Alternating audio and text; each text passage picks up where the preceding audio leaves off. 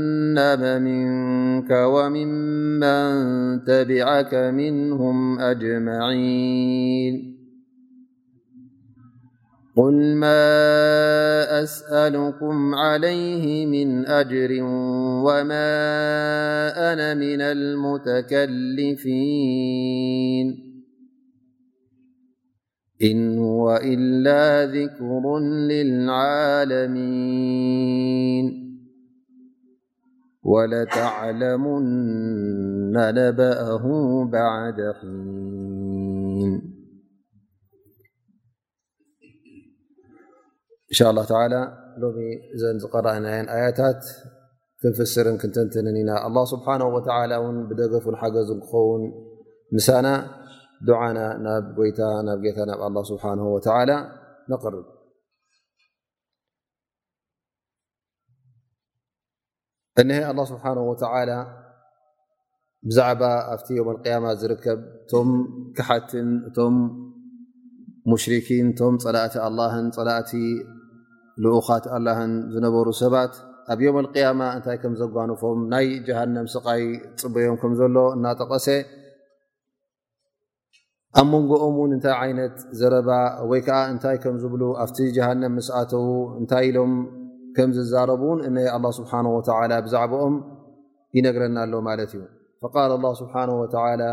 ወቃሉ ማ ለና ላ ነራ ርጃላ ኩና ነዕድም ምን ኣሽራር እዚ እቶም ክሓቲ ኣብቲ እሳተ ጀሃንም ምስ ኣተዉ ንገለ ሰባት ይደልዎም እሞ ኣብ ቅድሚኦም ኣይረኽብዎምን እዮም ምስኦም ንጀሃንም ዝኣትዉ ኮይኖም ይስምዖም ነይሩ ገና እቲ ጥፍኣት እውን ገና ኣብቲ ጀሃንም ከለዉ እውን ነቶም ውርደተኛታት ወይ ከዓ ተቐባልነት ዘይብሎም ሰባት እንታይ መስሎም ሩ እዚኦም ሰባት እዚኦም ወላ እንተ ኣመኑ ብሙሓመድ ለ ሰላ ወሰላም ናበይ ክኣትዎ እዮም ንጀሃንም ክኣትዎ ኣ እቲ ሚዛኖም እንታይ ዩ ሩ እቲ ጀና ዝኣቱ ሓደ ወዲ ሃፍታም ወይከዓ ወዲ እከለ ስመ ክኸውን ኣለዎ ማለት እዩ ኣብ ኣዱንያ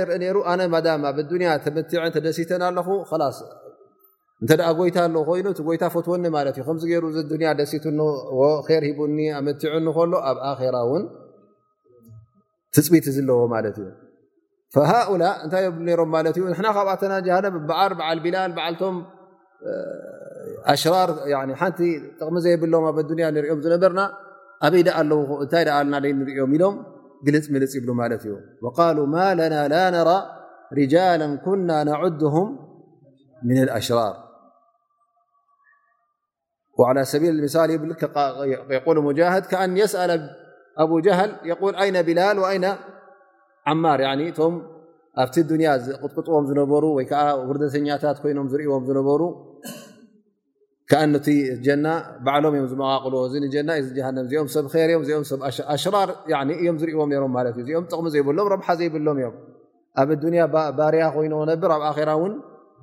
ባርያ ኮይኑ ኣብኡ ውን ጀሃንም ክኣት ኢሎም እዚ ዓይነት ስምዒት ዩ ነርዎም ማለት እዩ ፈየስኣሉን ኣይነም ኣበይ ኣለዉ እብሉ ማለት እዮም ይሓትሎም ኣተኸዝናም ስኽርያ ኣይ ፊ ዱንያ ኩና ነተኪዝም ላገፀሎም ነርና ሰብ ኮይኖም ስምዑና ኣይነበሩን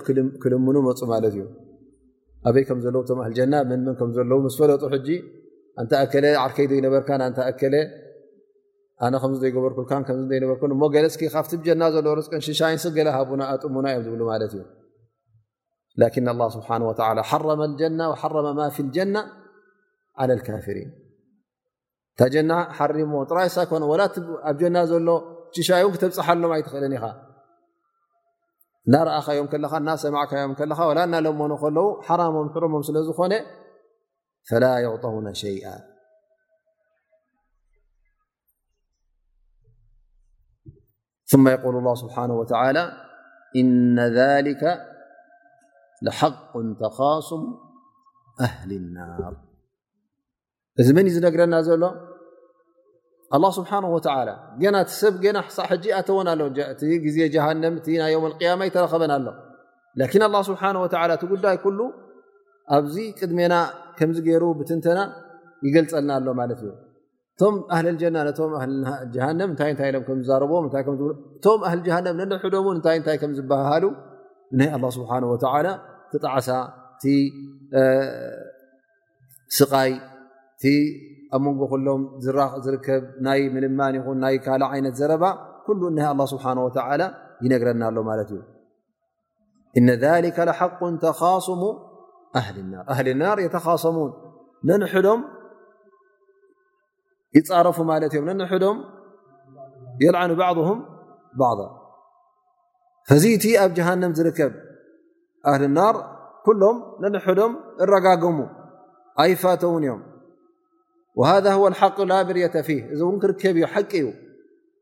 ብሓቅ ን ክብለካ ከሎ ኣ ስብሓ ወላ በቃ እዚ እቲ ክርከብ እዚ እውን ሓቂ ጌርካ ክትሪኦ ኣለካ ማለት እዩ ከም ብዓይንኻ ትሪኦ ዘለካ ኮይኑ ክስምዓካ ኣለዎ ፈላ ሸካ ፊ ሊክ ፈፂምካ ጥርጠራ ዘይብሉ ነገር ዘይወላውል ነገር እዩ ስለዚ ነዚ ነገር እዚ ክትኣምነሉ ኣለካ እቲ ጀሃንም ዝኣት ሰብ እዘይ ጉዳያት ዘጓንፎ ከም ምኳኑ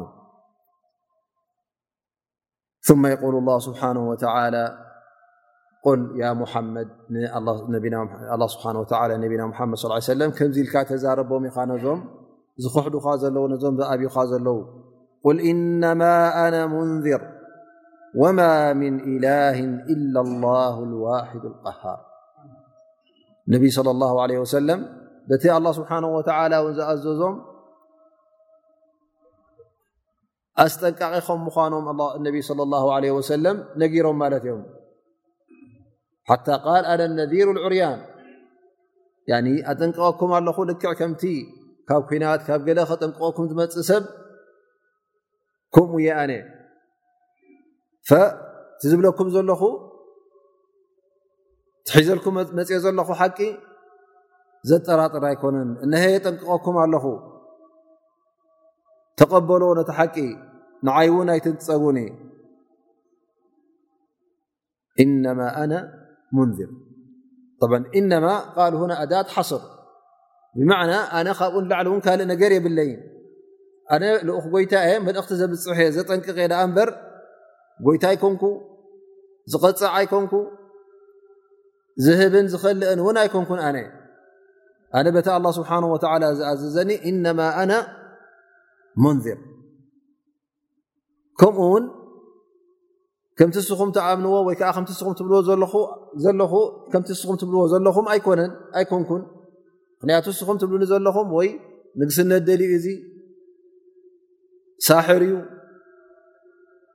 ከምዚ እዩ ከምዚ ትብልዎ ዘለኹም እዚ እውን ኣነ ከምኡ ኣይኮንኩን እነማ ኣነ ሙንር ልኡኽ ካብ ጎይታ ዝመፃእኩ እየ ዘጠንቅቐኩም እየ ወማ ምን ኢላህ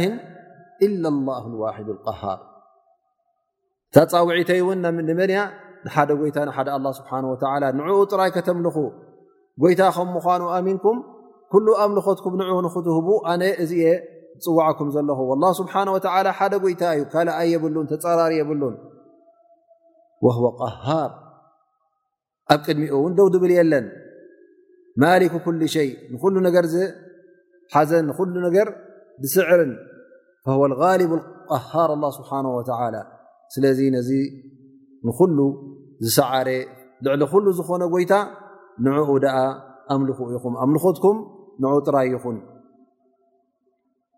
وما من إله إلا الله الواحد القهار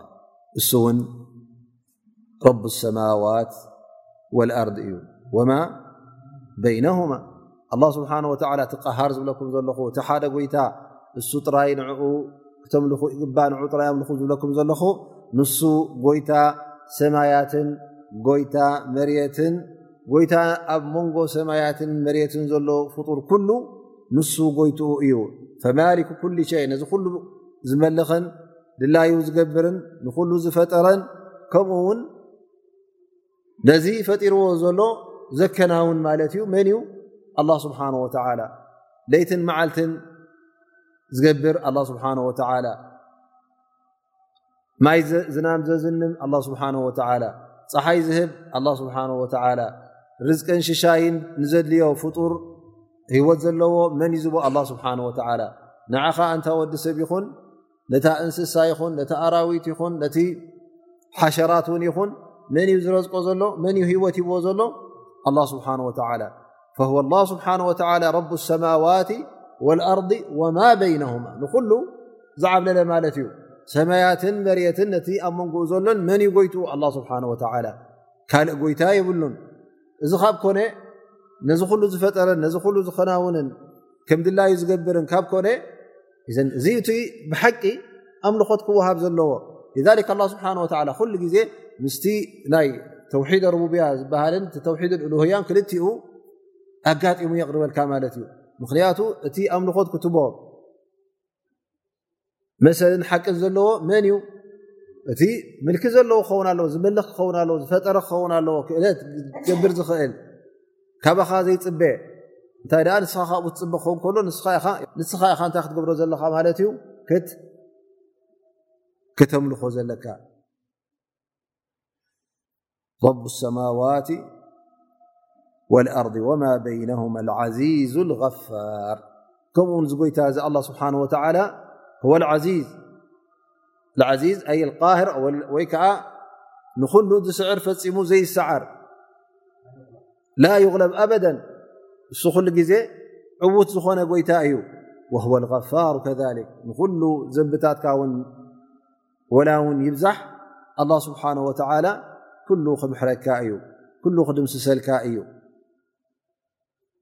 ራሒሙ ቢክ ኣላ ስብሓን ወተዓላ ብዓል ሙሉእ ራሕማ ስለ ዝኾነ ንዓኻ ውን ክምሕረካ እዩ ነዚ ኩሉ ከሊቕዎ ዘሎ ትራሕምኡ ንኩሉ ዘማልእ ማለት እዩ ኣላ ስብሓን ወተዓላ ንመን ክርሕም እየ ዝኩሉ ፍጡር ዝኩሉ ኢሉ ኣየፃብብን እዩ እዚ ኩሉ ከሊቕዎ ዘሎ ኣብ ትሕቲ ራሕማ ናይ መን እዩ ዘሎ ኣብ ትሕቲ ራሕማ ናይ ኣላ ስብሓን ወተዓላ ወራሕመቲ ወሲዐት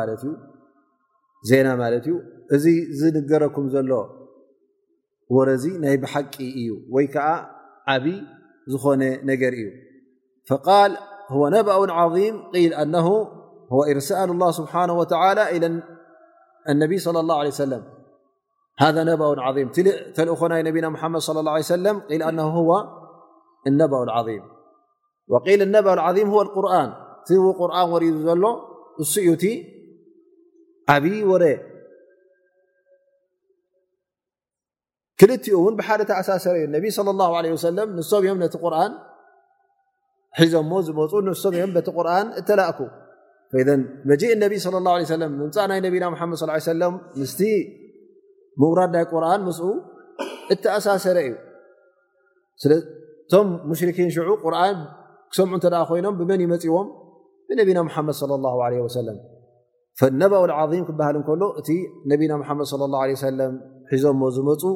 ነቶም ናቶም መልእኽቲ እዚ እቲ ዝዓበየ ወረ ይኸውን ማለት እዩ ኣንቱም ዓንሁ ሙዕሪضን ክሳዕ ክንዲዚ ዓብ ወረ ኣገዳሲ ወረ እከሎ ኣገዳሲ ነገር እከሎ ግን ንስኻትኩም እኹል ኣቃልቦ ይሃብኩምሉን ካብኡ ርሕቕኩም ኢኹም ዘለኹም ኣንቱም ኣንሁ ሙዕሪضን ኣይ غፊሉን ወላ እንታይ ይበሃል ኣሎ እውን ግልፅ ትብልዎ ኣለኹም ነዚ ቁርን እዚ ነዚ መልእኽቲ እዚ እውን ልቦና ልቢ ናይ ሃብኩምሉን ኣለኹም ስለዚ ኣስተውዕሉሉ ደኣ ካብኡ ክትርሕቁ የብልኩምን ثመ የقሉ ነቢ ስብሓ ወላ ከምዚ ኢልካ ውን ያ ሙሓመድ እውን ተዛረቦም ኢኻ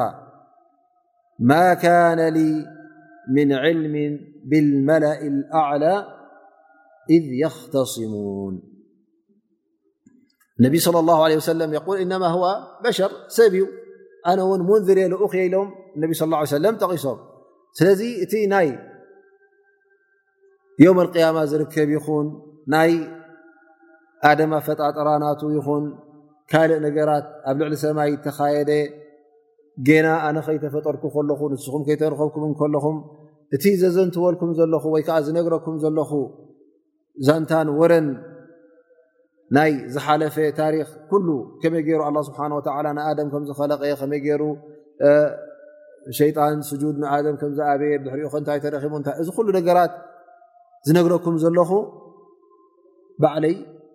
ብክእለተይ ብፍልጠተይ ዘምፃእኹ ኣይኮነን ማ ካነ ሊ ምን ዕልሚ ብመላእ ኣዕላ እ የክተስሙን ኣነ ብዛዕባ ናይ እዞም ሰባት እዚኦም ናይ መላካ ይኹን ናይ ኣደም ይኹን ዝተረኸበ ምስሕሓብ ዛንተኦም ባዕለይ ዘምፃእ ኮይ ኮን ኣነ ውን ዝፈልጦ ኮንኩ እነማ እዚ ነገር እዚ ካበይ መፅዩኒ ካበይ የፈሊጠዮ እዩሓ ኢለያ እዚ ነገር እዚ ብውሓይ ዝሰማዕክዎ ብውሓይ ዝመፀኒ እዩ ደኣ እምበር እዚ ነገራት እዚ ኣብኡ ከሎ ሰብ ዝፈልጦ ነገር ኣይኮነን ባዕልኻ ተመራሚርካ ወይ ከዓ ብሓንጎልካ ዝብፃሕ ነገር ኣይኮነን ናይ ግድን እዚ እንታይ ክኸውን ኣለዎ ውሓይ ካብ ኣላ ስብሓን ወተዓላ እቲ ዝፈጠረ ሰማይን መሬትን ዝፈጠረ እቲ ኣብ መንጎ ሰማያትን መሬትን ዘሎ ኩሉ ነገራት ዝፈጠረ ንሱ ዝነገረኒ እዩ ዳኣ እምበር ኣነ ባዕለይ ተመራሚረ ዝበፃሕኩ ኣይኮነን እንዩውሓ ኢለየ ኢላ ኣነማ ኣነ ነذሮ ሙቢን ኣነ ካብኡ ሕልፈ ዝያታ የብለይን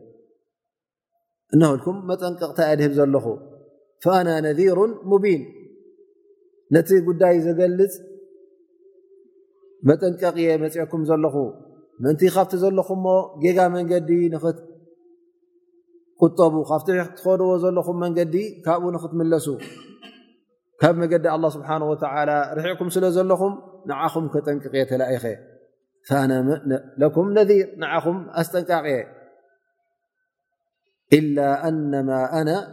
ነذሩ ሙቢን ኣ ስብሓ ወተላ እውን ነቲ ዘውረዶ ንኽገልፀሎም ዝለኣኸ እዩ ነቢና ሙሓመድ صለ ላ ለ ወሰለም ስለዚ እቲ ዝተረኸበ ወይ ከዓ እቲ ዝበሃል ነገራት ኩሉ ብኣይ ስምዑ ዘለኹም ብኢደወነነይ ዘምፃእኩ ኣይኮነን ናተይ ዊንታ ኮይኑ ወይ ከዓ ብስምዒተይ እዚ ሓይሽን እዚ ይበልፅን ዝብለኩም ነገር የብለይን ላኪን እቲ ዝብለኩም ዘለኹ ኣነ ብኣላ ስብሓን ወተላ ተላኢኸ ስለ ዝኾንኩ ኩሉ እቲ ዝብለኩም ዘለኹ ናይ ኣላ ስብሓን ወተላ ትእዛዝን ናይ ኣላ ስብሓን ወተላ ሓበሬታን እዩ ምን ذ ه ስብሓ ካብቲ ه ስብሓ ዘውረደለይ ን ኢሉ ማት እዩ እቲ ኣያታት ናይ መጀመርያ ቅድሚ ኩሉ ክፍጠር ከሎ ኣደም ከመይ ገይሩ ከም ተፈጠረ ወዲ ሰብ መጀመርያ ኣፈጣጥራናቱ እንታይ ከም ተረኸበ እዚ ነገራት እዚ እውን ኣ ስብሓ ወ ንሱ ዝነገረኒ ዩ ኢሉ ምስ ሓበረ እሀ ገለ ካብቲ ናይ ሰይድና ኣደም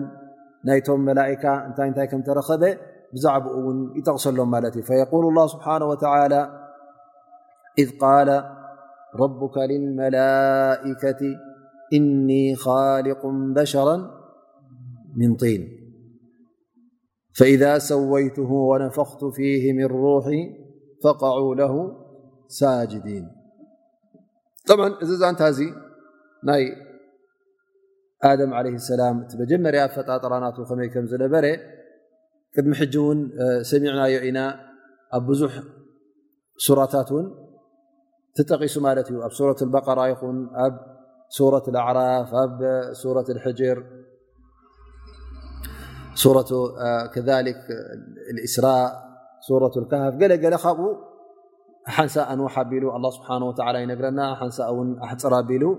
ይነግረና ማለት እዩ ገለ ካብኡ እውን ሕጂ እነ ኣላ ስብሓን ወተላ ኣብዚ ይጠቕሰልና ማለት እዩ ኣላ ስብሓን ወተላ ንመላእካ ገና ንኣደም ከይፈጠረ ከሎ ገና ብእዋኑ ይነግሮም ማለት እዩ ኣደም ሰብ ክኸልቕ ፈጥር ሓስብ ወይከዓ ሰብ ክፈጥር እደሊ ኣለኹ ኢሉ ኣላ ስብሓን ወተላ ይነግሮም ማለት እዩ እዚ ሰብ እዚ እውን ካብ ምንታይ ክኸልቀ ኢልዎም ማለት እዩ ካብ ጢን ካብ ጭቃ ማለት እዩ ምን ሰልሳልን ምን ሓመእን መስኑን ካብ ጭቃ ዝነቐፀ ጭቃ ዳሕራይ ምስ ነቐፀ ድምፂ ዘውፅእ ሰልሳል ይበሃል ማለት እዩ እዚ ነገር እዚ ነጊርዎም ማለት እዩ ዳሕራይ እንተ ኸሊቀዮ ልክዕ ወዲ ኣዳም ሰብ ገይረ ምስ ኸለቕክዎውን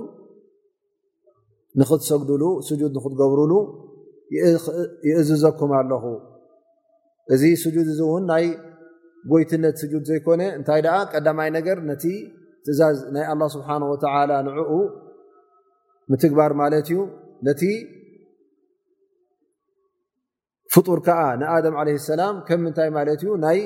ክብረትን ናይ ሰላምን ናይ ተሕያ ይኸውን ማለት እዩ ኣላ ስብሓን ወተላ ንኣደም ምስ ከለቀ ሕጂ ኩሎም ቶም መላእካ እንታይ ገይሮም ነቲ ትእዛዝ ዝተዋሃቦም ኣተግቢሮም ሞ ላኪን ሓደ ተሪፉ ማለት እዩ ንሱ ከዓ መን እዩ እብሊስ ዓለይህ ላዕነት ላ ፈምተተለ መላካ ኩልም ኩሎም ነቲ ትእዛዝ ናይ ኣላ ስብሓን ወተላ ኣተግቢሮም እብሊስ ግን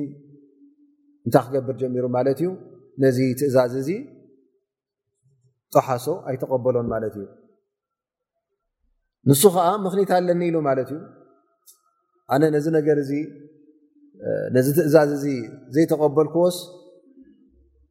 ምኽኒት ስለ ዘለኒ እበሪ ምተቐበልክዎ ነይሩ ማለት እዩ እሱ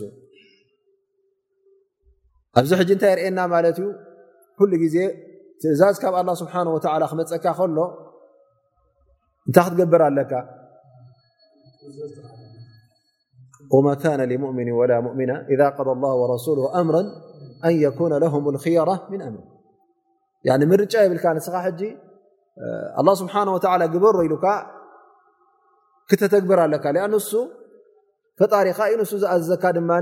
ናይ ግድን ኣብ ግብሪ ከተውዕሎ ኣለካ ላኪን እንተ እቲ ትእዛዝ ሰሚዕካዮ ላ እዚ ትእዛዝ እዚ ምሳይ ዝሰማማዕ ኣይኮነን ወይ ከዓ ላ ጌጋ ኣለዎ ከመይ ጌርካ ያ ኣላ ትእዝዘናዓይዚ ኣነ እኮ ካብ ኣደም ኣነ በልፅ ከመይ ገይረ ኣነ ንዕኡ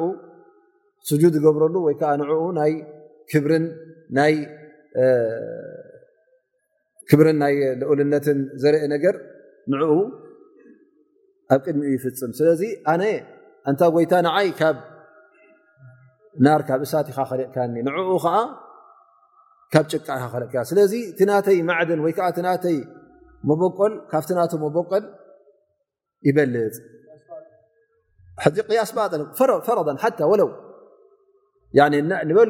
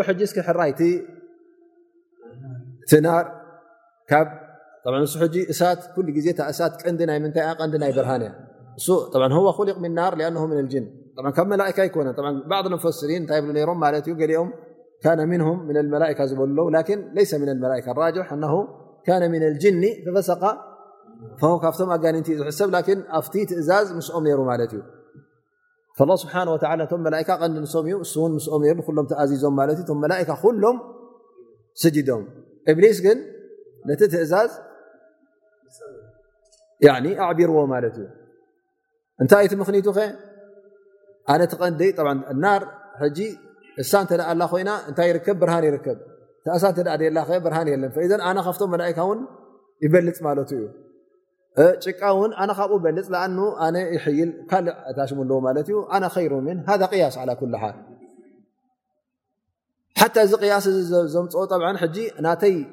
ቀንዲ ወይ ከዓ ናተይ መበቆል ይበልፅ ስለዚ እንታይ ኣሎ ማለት እዩ ትዕቢት ኣምፅኡሉ ማለት እዩ ካልኣይ ነገር እቲ ኸይርያ ኩሉ ግዜ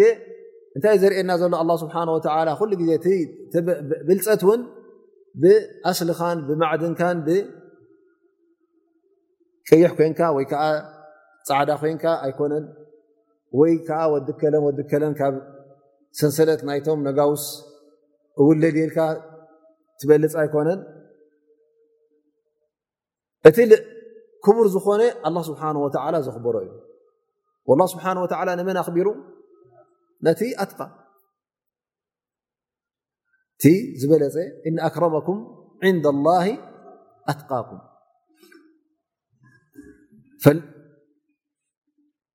መቃይስ መዕቀኒ እተ መለክዒ ክግበር ኮይኑ ኣብቲ ዲና እተ ርኢና መለክዒ ናይ ሕብርን ናይ መልክዕን ናይ ቁመትን ናይ ምሕፃርን ናይ ስጋን ናይ ዓፅምን ኣይኮነን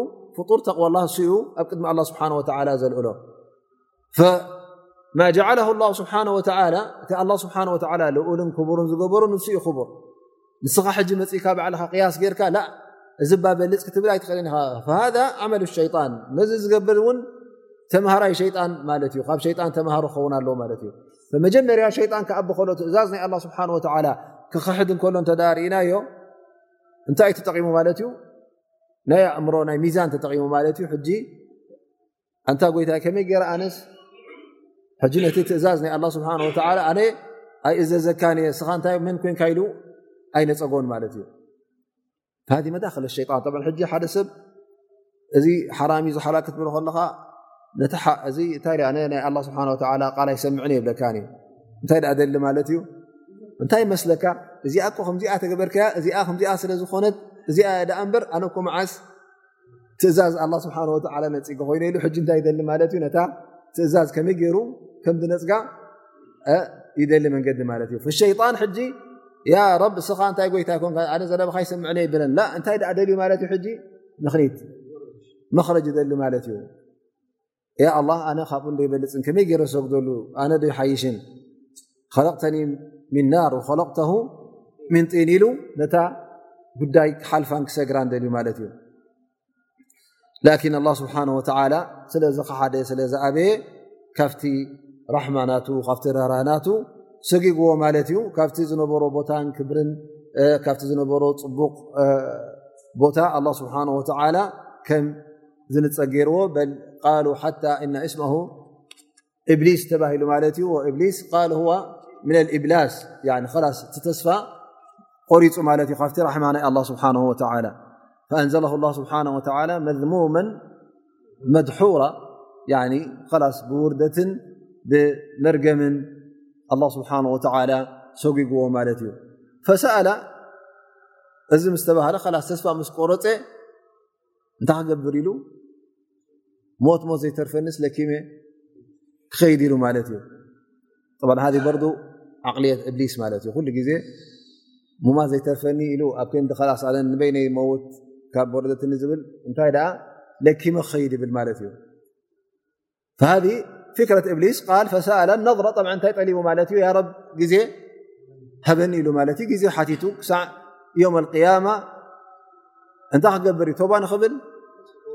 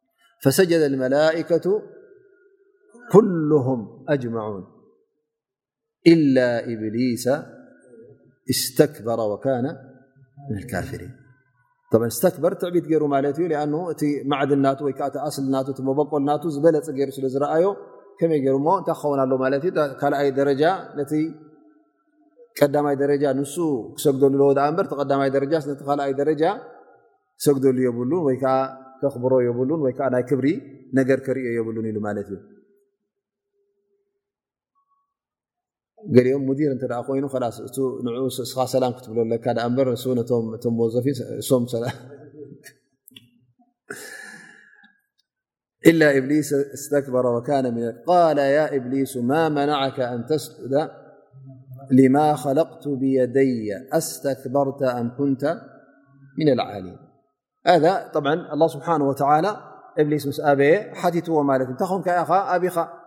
ነቲ ክትሰግደሉ ስጁድ ክትገብረሉ ዝኣዘዝኩኻ ዘይተቐበልካዮ ስለምንታይ ኢኻ ተዓቢ ትዕቢት ድዩ እዚ ሒዙካ ኣም ኩንተ ምና ልዓሊን ወይ ከዓ ነብስኻ እቲ ዝለዓለ ደረጃ ገይረካ ርኢኻላ ዝያዳ ልኡልነት ወይ ከዓ ናይ ፀብለልትነት ነገር ሒዙካ እዩ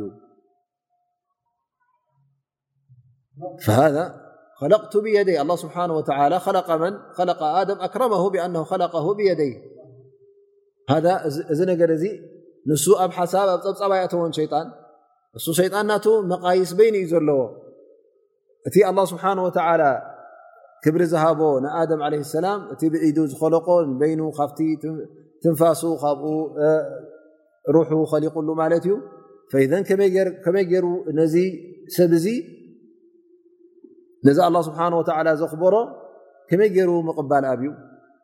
ክቕበል ስለ ዘይደለየ ካልእ ሚዛን ስለ ዘለዎ ነቲ ናይ ኣላ ስብሓን ወተላ ትእዛዝ እውን ኣዕቢሩ ማለት እዩ ፈእንታይ ኢሉ መሊሱ ቃል ኣነ ኸይሩ ምን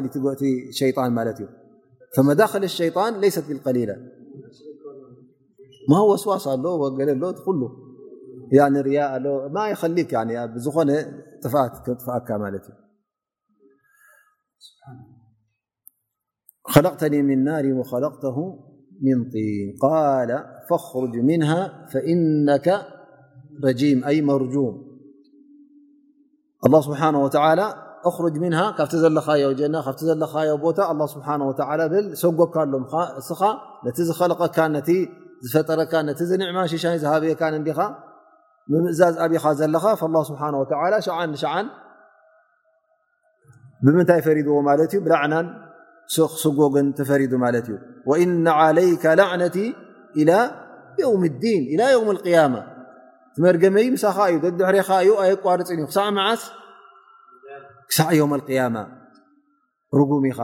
ውርደተኛ ኢኻ ኢሉ ኣላ ስብሓን ወተላ ነዚ ሸይጣን እዚ ከምዚ ገይሩ ይፈርዶ ማለት እዩ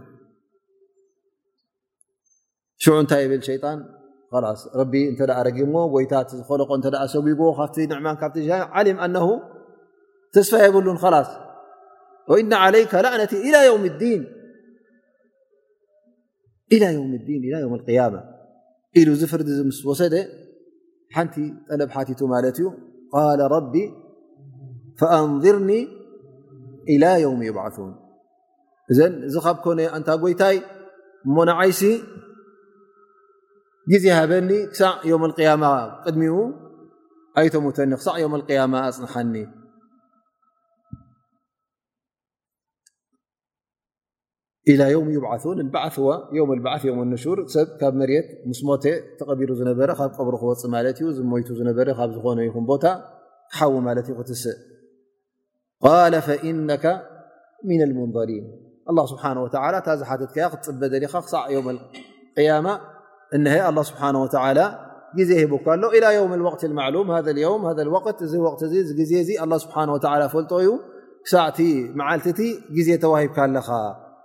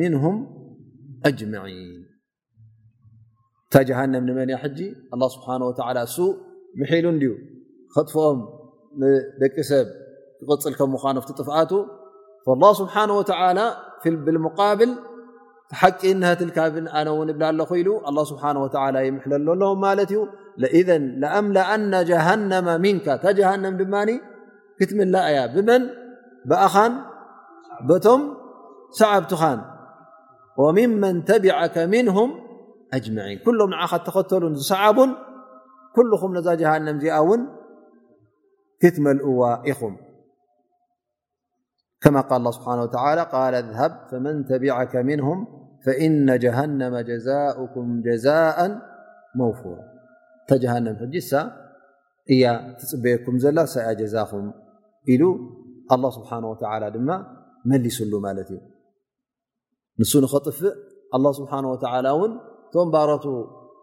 ከርክበሎም ከም ዘይክእል ነጊርዎ እቶም ዝኣበዩ ግን ደድሕሬኻ ዝሰዓቡ ግን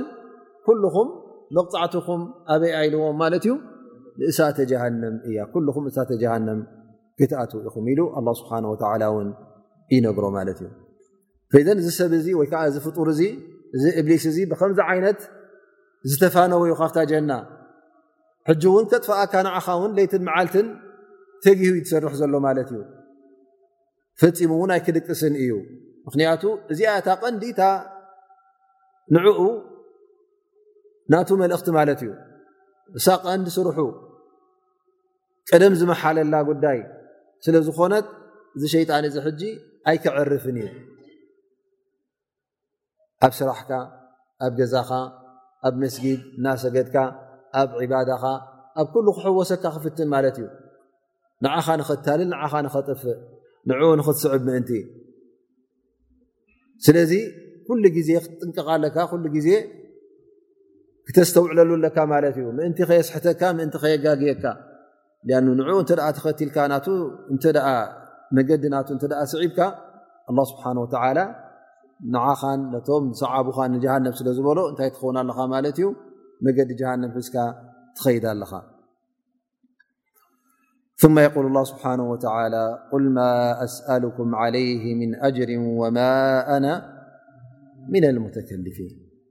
እነቢ صለ ላ ለ ወሰለም ይኹን ኩሎም ቶም ልኡኻን ኣላ ስብሓን ወተላ ንዛ ጉዳይ እዚኣ እውን ንኸረጋግፁላ ኣላ ስብሓን ወተላ ሓበሬታ ሂቦም ነይሩ ማለት እዩ ማ ኣስኣሉኩም ፈፂመ ኣንቱም ሰባት እዚ ዝነገረኩም ዘለኹ ቃል ኣላ ይኹን እዚ መልእኽቲ ዝምፅኤልኩም ዘለኹ ገለ ናይ ኣዱንያ ነገር ካባኹም ዝጠልቦ ካባኹም ዝደልዮ ማል ካባኹም ዝደልዮ ገንዘብ ካባኹም ዝደልዮ ሽመት የለን ኢልካ እውን ንገሮም ኢኻ ምናልባሽ ዝኣብዩኻ ዘለዉስ ናይ ኣዱንያ ጠማዕ ናይ ኣዱንያ ድልት ዘለካ ከይመስሎም ምክንያቱ ሓደ መፅኡ እቲ ዘለኹሞ ጌጋ እዩ እዚ ቕኑዕ ከምዚ እዩ ከምዝ ከምዝ ግበሩ እዝን እዝን ይፅቡቕ እዝን እዝን እዩ መጥፍኢ እንተ ኢሉካ መጀመርያ ዝመፅእ ናባካ ሕቶ እንታይ እዩ እንታይ መስላሓ ኣለዎ ከምዚ ኢሉ ዝዛረበና ዘሎ እንታይ ይጥቕሙ ኢልካ እውን ትሓትት ኢኻ ኣኖ ሓደ ሰብ ስለምንታይ እዩ ከምዚ ገይሩ ተጊሁ ዝሰርሓሉ ዘሎ ለይትን መዓልትን ወላ ሕልፈቱን ነፍሱን ኩሉ ዝበሉ ዘሎስ እንታይ ክረክብ ኢሉ እዩ ፈናስ መብዝሕቲ ግዜ ኣብ ምንታይ እትሓስብ ማለት እዩ ኣብ ናይ ኣዱንያ ወይ ሽመት ደልዩ ወይ ከዓ ገንዘብ ደልዩ ሃብቲ ደልዩ ክመርሓና ደልዩ ገለ ደልዩ እዚታት ኣሎ ማለት እዩ ፈይደ ኣላ ስብሓን ወተላ ነዚ ነገር እዚ ካብ ሓሳቦም ምእንቲ ንክረሕቕ ቁረፆ ኢልዎ ማለት እዩ ካብ መጀመርያ ቁል ማ ኣስኣልኩም ዓለይ ዓላ ሃ ዓመል ዓለ ዳዕዋ ነዚ ገብሮ ዘለኹ ዳዕዋ ነዚ ነገረኩም ዘለኹ ጉዳይ ካባከም ትፅበዮ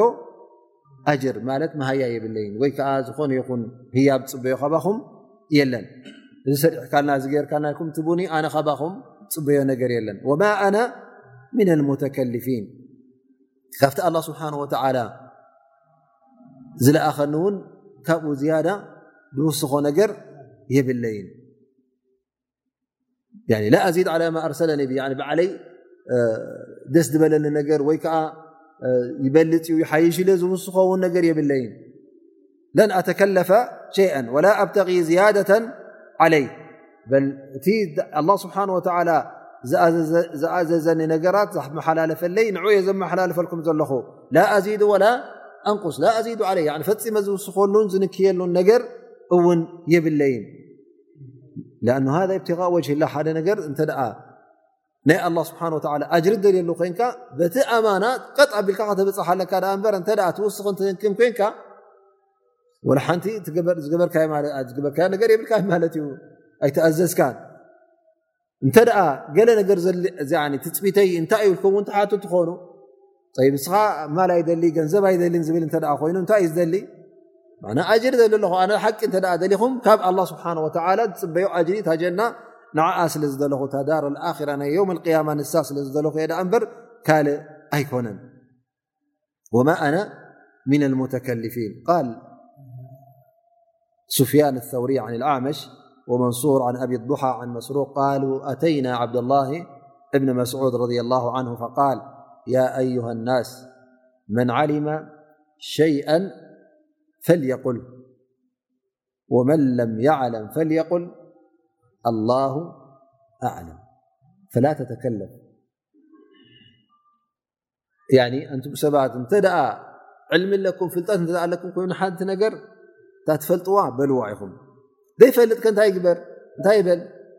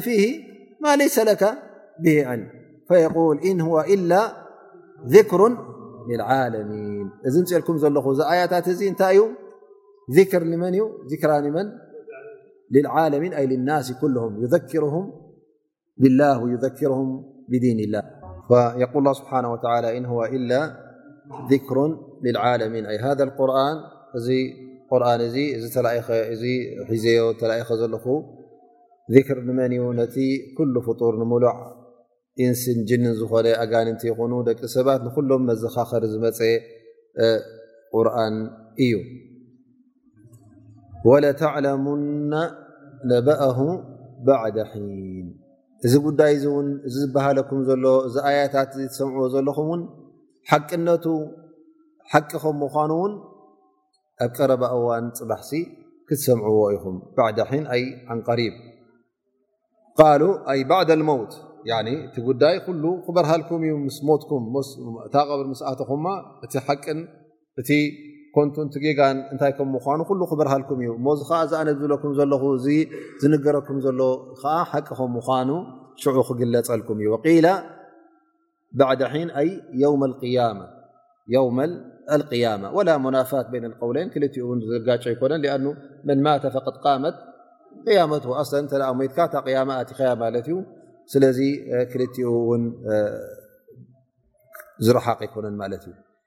ላ ስብሓን ወተላ ነዞም ሙሽርኪን ነዞም ክሓቲ እዚኦም የጠንቅቖም ኣሎ ማለት እዩ ሕጂ እንተ ተኣብዩ ኣለኹም ኮይንኩም እዚ ሓቂ እዚ ሓቂ ከም ምኳኑ እዚ መልእኽቲ እዚ መልእኽቲ ሓቂ ከም ምኳኑ እውን